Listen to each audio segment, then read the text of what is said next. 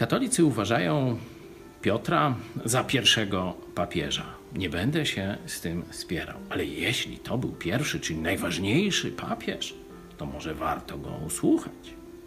I zobaczcie, co on katolikom, no ja powiem wszystkim ludziom, powiedział na temat tego, jak dostać się do nieba, jak mieć odpuszczone grzechy, jak być zbawionym. To, jest, to są dzieje apostołów, 10 rozdział, 43 werset. I apostoł Piotr, pierwszy papież, mówi tak. Każdy, kto w niego, Jezusa, wierzy, dostąpi odpuszczenia grzechów przez sakrament pojednania, przez sakrament pokuty, przez Eucharystię, przez świętą mi tu aż nie wiem, jakie imię wybrać, bo tyle tych świętych tysiące, albo inaczej. No to jeszcze raz, zobaczmy co.